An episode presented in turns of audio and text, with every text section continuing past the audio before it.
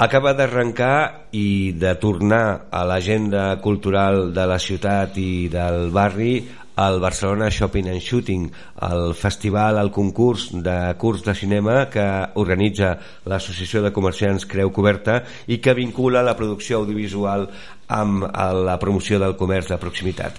I el pare de la criatura eh, és en Joan Rydberg, que ens acompanya avui a Radio Estafrancs. Benvingut. Hola, què tal? Disculpa la veu d'encostipat. De, eh, bueno, jo també ho estic una miqueta. Eh, tres anys eh, d'absència i tornem. Han tornat aquest cap de setmana. Sí, eh, saps què passa? Complim 10 anys i només hem... i aquesta seria la setena edició. Llavors vam parlar amb el Lluís, que també és un altre dels pares de la criatura, juntament també amb l'Albert, eh, i vam parlar i vam dir, què? Ens hi tornem a posar, però fem un reset, és a dir, tornem a començar de zero.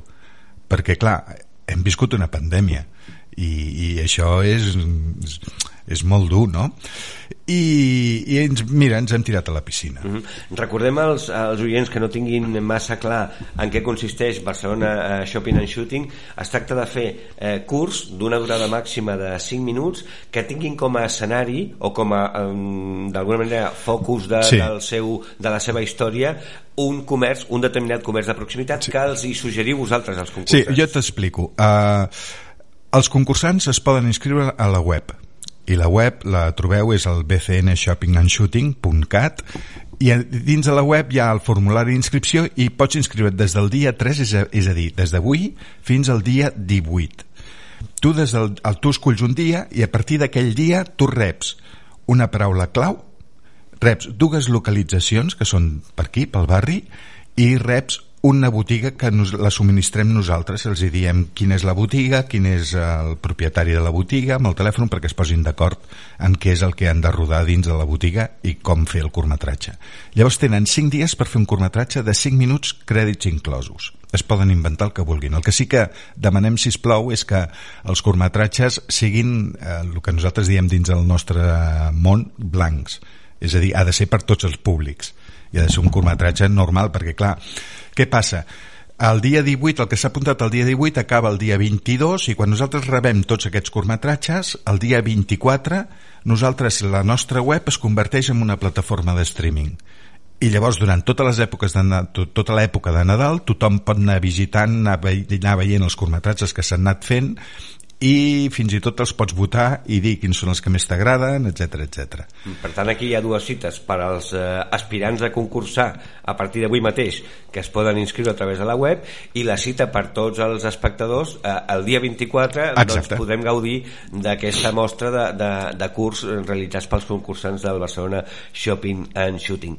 Eh, la filosofia està clara eh, de vincular mm, cultura i, i, I comerç, i, comerç. Això, això eh, impregna totes les activitats o bona part de les activitats a l'Associació Comerciants Creu Coberta en el cas concret de l'audiovisual de fer productes que en molts casos seran ficció, ficció curta uh mhm. -huh. eh, quin, quin, és, quin és el, el punt eh, per trobar amb, amb respecte al comerç? Ah, pues poden inventar el que vulguin. Poden fer, si volen, un spot, poden fer un documental, poden fer un videoclip, el que vulguin.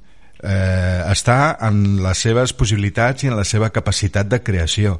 El límit el tenen dins de la seva ment, saps què vull dir? I a més a més hi ha una altra cosa, que el poden rodar amb un mòbil, poden rodar a, a, o sigui, fa uns anys era més complicat dir, mira, pots fer un curtmetratge amb un mòbil, però avui en dia hi ha mòbils que, déu nhi ja fan una qualitat d'imatge molt acceptable i depèn de quina idea tinguis i no cal que duri 5 minuts el curtmetratge, eh? pot ser un curt d'un minut o pot ser un curt de 30 segons si la idea és bona eh, què, què pretenem amb això? Perquè mira, tu pensa que eh, tots aquests curtmetratges després hi haurà un jurat que valorarà aquests curts. Mira, ara et dic, et diré noms que són gent que ja han sigut jurat del nostre... -huh.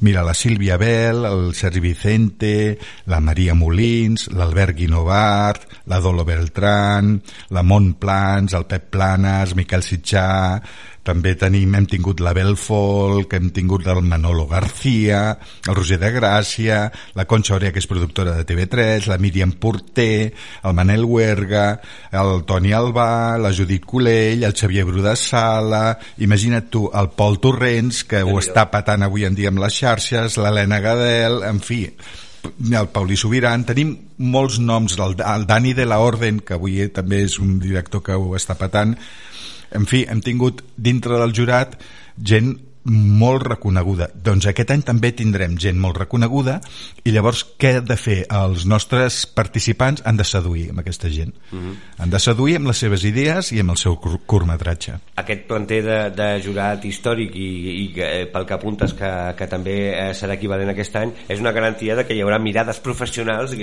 d'aquells productes eh, que facin els, els concursants. Jo veia també que com que vivim en temps en el qual el comerç de proximitat ha de mm, plantar cara, per dir-ho eh, per dir així, a, a, al món de la globalització del, del, del comerç eh, eh, electrònic i del comerç eh, a domicili, mhm. -huh no sé si bona part de les històries us heu trobat en les edicions anteriors i creus que et pots trobar en aquesta edició.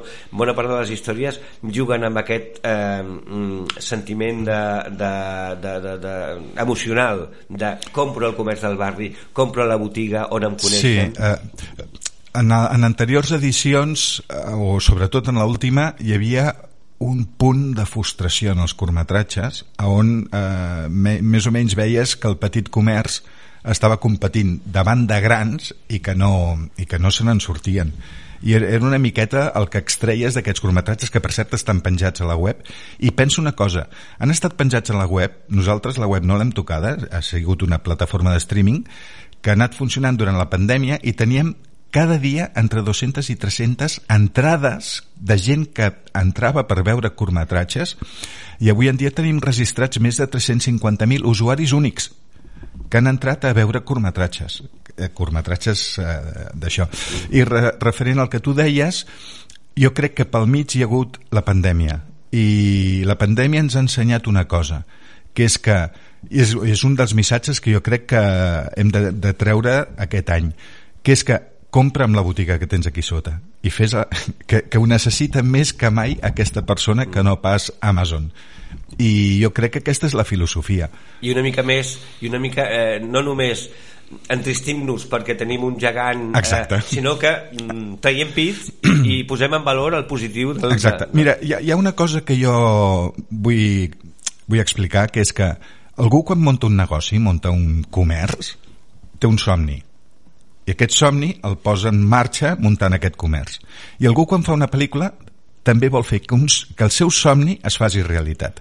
I jo el que vull que aquests dos somnis s'uneixin saps? I, i amb aquests somnis doncs eh, sortirà una cosa que no sabem què és però això en diem cultura sí, sí. I, i, i tant el comerciant que obre un negoci com el realitzador que fa un producte audiovisual aspira a seduir el públic exacte, a, eh? a, això aquest això és mateix. el punt, el punt en comú i emocionar, sobretot ha d'existir de, emoció. Quan hi ha emoció en un producte audiovisual eh, i, eh, i estem guanyant, mm -hmm. estem, estem posant per damunt el valor que té aquell, aquell, aquell vídeo, no?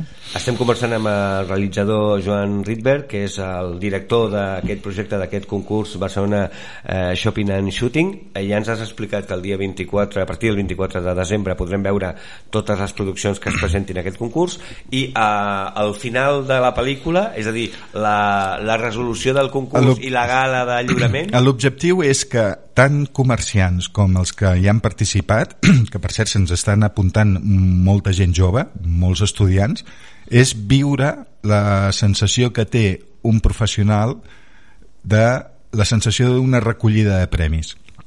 I llavors fem una gala tipus Hollywood a lo petit, o tipus Gaudí, fem-ho de casa nostra, tipus Gaudí a lo petit. I llavors eh, tothom que va a aquesta gala ningú sap qui recollirà el premi i per tant és super emocionant no?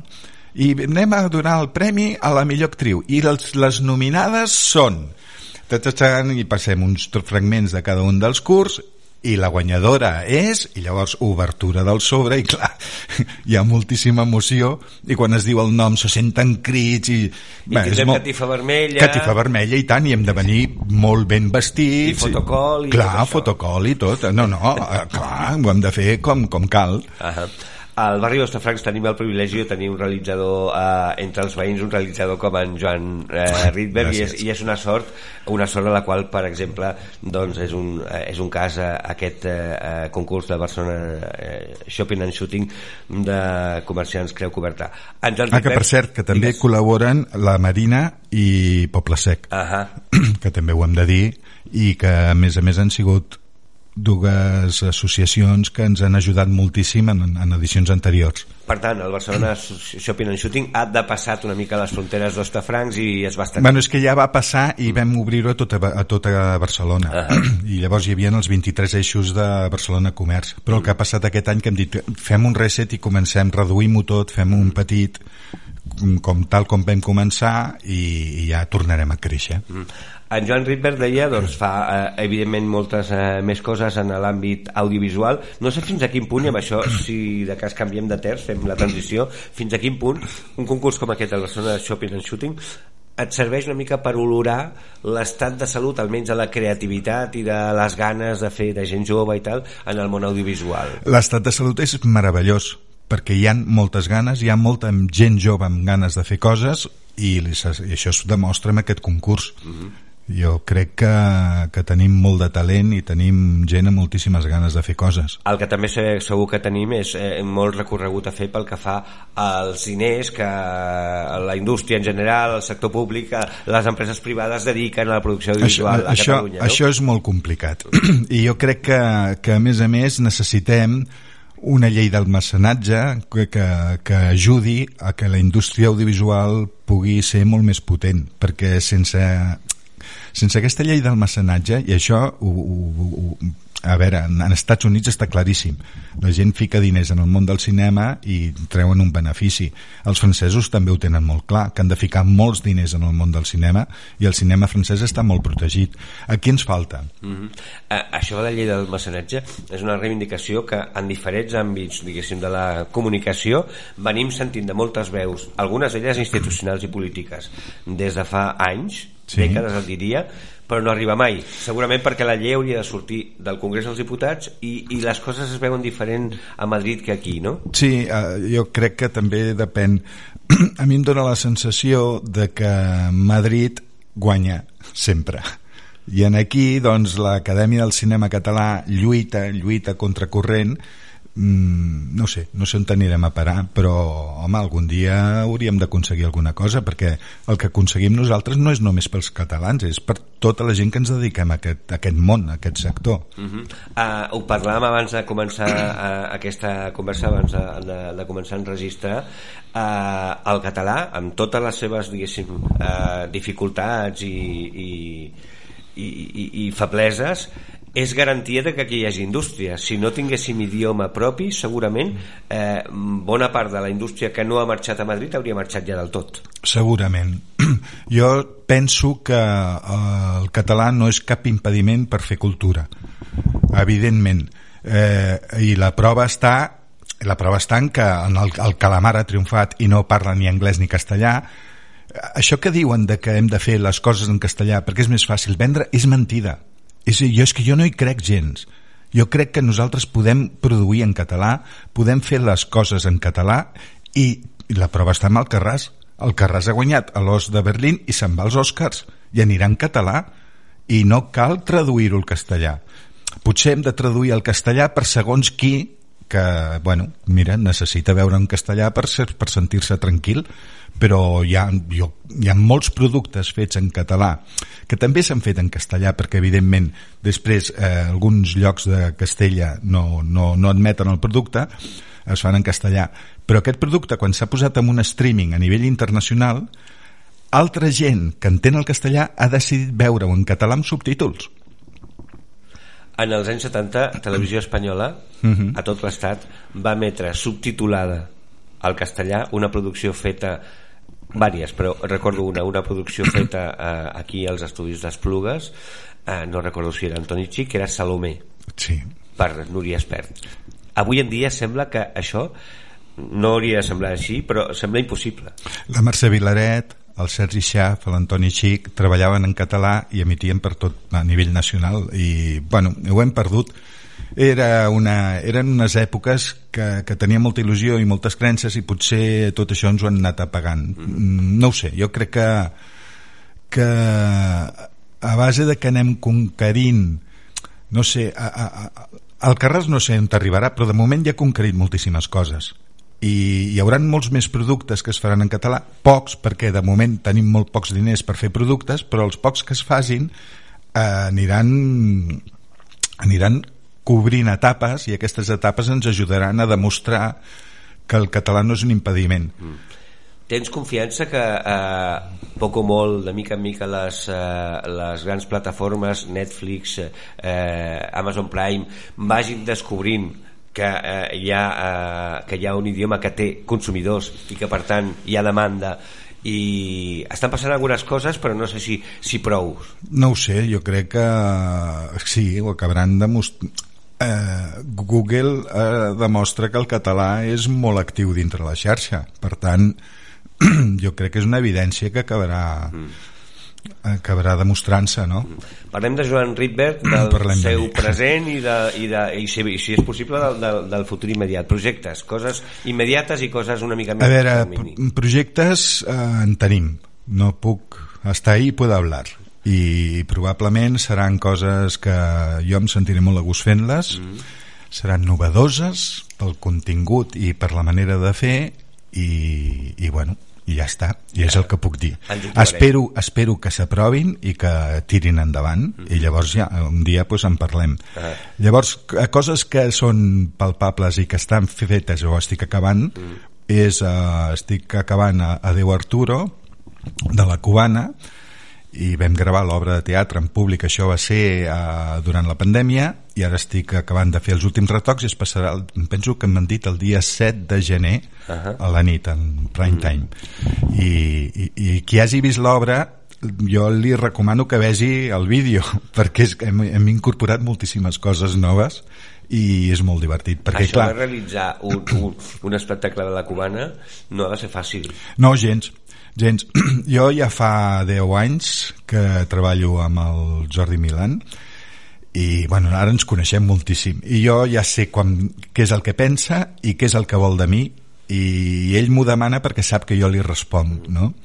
i és un repte, és molt divertit treballar amb ells perquè constantment, el Jordi Milani és, és un món és un món que està constantment veient l'obra i per dintre vas veient que el seu cervell trrr, va treballant i, i veu claríssim i sap claríssim què és el que vol i com ho vol. I llavors li diu a l'actor com vol que ho faci i aquesta cosa que tens quan vas a veure la cubana de que tot està improvisat no hi ha res improvisat. Tot està super molt ben preparat. Però tu com a espectador tu, tu, tu, tu et vas empassant tota una sèrie de, de, de gags i de coses que passen que dius, ui, això li acaba de sortir així, tal qual. I, i realment treballar amb, amb ells eh, jo, jo mira, em sento molt a gust perquè també és, és un sistema de treball que a mi m'agrada molt i, i bueno, i el resultat ja, ja, ja n'he fet vàries perquè vaig fer he, he, he fet amb ells he fet tota la promoció l'anterior obra de teatre també la vaig fer per televisió i... La, la Campanes de boda no, oh. Campanes de boda no, el musical, el musical. que va fent el... és que ara no recordo el... bé eh, i llavors eh, amb aquesta que, que fem ara eh, Bueno, ja ho veureu, ja ho veureu, és molt, molt divertida. Òbviament és un espectacle enregistrat eh, a teatre, sí. és enregistrat en viu eh, en públic, públic que per cert el veurem força en mascareta, no? Perquè deies a la Sí, data... sí, sí, eh, està gravat en època de, en, en època de postpandèmia i ens va passar que mentre gravàvem vam gravar diversos dies eh, va sortir que ja no calia portar la mascareta als teatres llavors tenim preses que hi ha més mascaretes i altres menys i ara estem igualant uh mhm. -huh. tot el tema. Per un realitzador o per Joan Rydberg eh, treballar eh, sobre un espectacle en viu a teatre o treballar a plató amb els actors totalment a teva disposició eh, en el sentit de ara tallem, ara farem una altra presa, etc etc. què és millor? O són dues coses completament diferents? A veure, per la televisió això són dues coses totalment diferents jo Eh, M'agraden els dos sistemes de gravació. l'únic que amb els recursos que tenim avui en dia és preferible el primer perquè és molt més ràpid, més àgil i més econòmic l'altre és més car llavors si, si tens recursos i tens diners doncs és molt millor treballar la segona opció però si no hi ha diners doncs uh, no tens més remei que treballar la primera saps?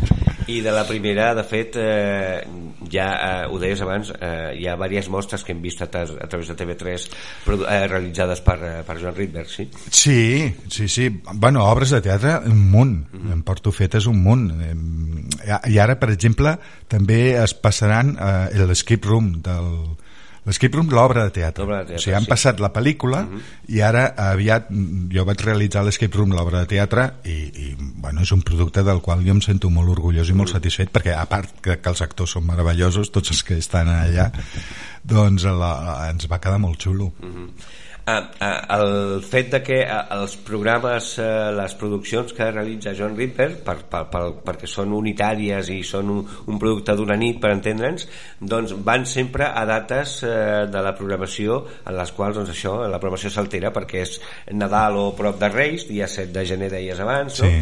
eh, això doncs eh, està bé, suposo que és, que és una manera diguéssim de tenir cites de tant en tant oportunitats de, de cites amb els espectadors de la tele no? Sí, i, i tant de bo la televisió entengui que aquests espais n'han de posar més perquè hem de promocionar el teatre, hem de promocionar la cultura i, i a més a més s'ha demostrat amb alguns dels passis que nosaltres hem fet, per exemple el pare de la núvia dirigida pel Joel Joan i on surt el Joan Pere va fer un rècord d'audiència brutal brutal. Jo crec que l'Escape Room també farà un rècord d'audiència collonut. Mm -hmm. I, I, bueno, i tant de bo la cubana segur, segur que tindrà molta audiència i estem parlant d'obres de teatre. Produccions que van funcionar molt bé a, a teatre i que després funcionen molt bé quan es passa la versió televisada. Sí, també hem de tenir en compte que la versió televisada no és que arriba una mòbil i veus en directe, graven en directe el que està passant, sinó que és una elaboració molt acurada d'aquella obra de teatre. I s'ha treballat molt els planos, els tipus de planos.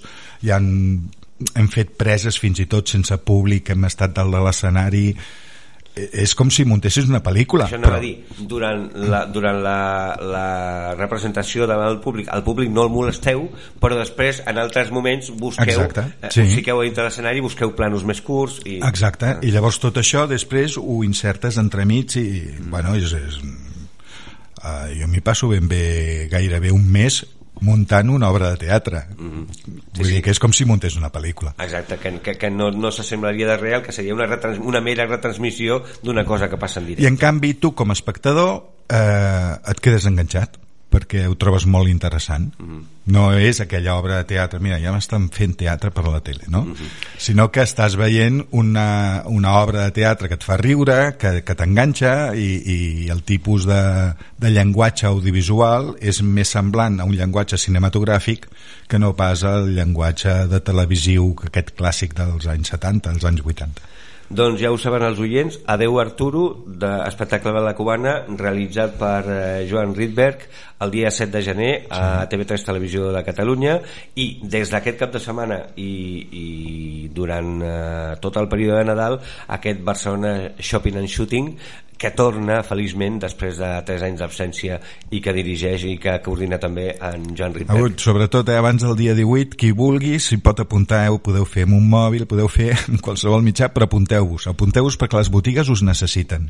És molt important que tothom donguem recolzament al comerç de proximitat. I que li donem visibilitat a, en produccions audiovisuals que segur que en sortiran unes quantes de qualitat en aquest, en aquest concurs. Oh, i tant, n'estic convençut. Gràcies, eh, Joan, per aquesta conversa i i, bona sort. Seguim a Barcelona Shopping and Shooting i els projectes que vinguin de, de cara endavant. Moltes gràcies.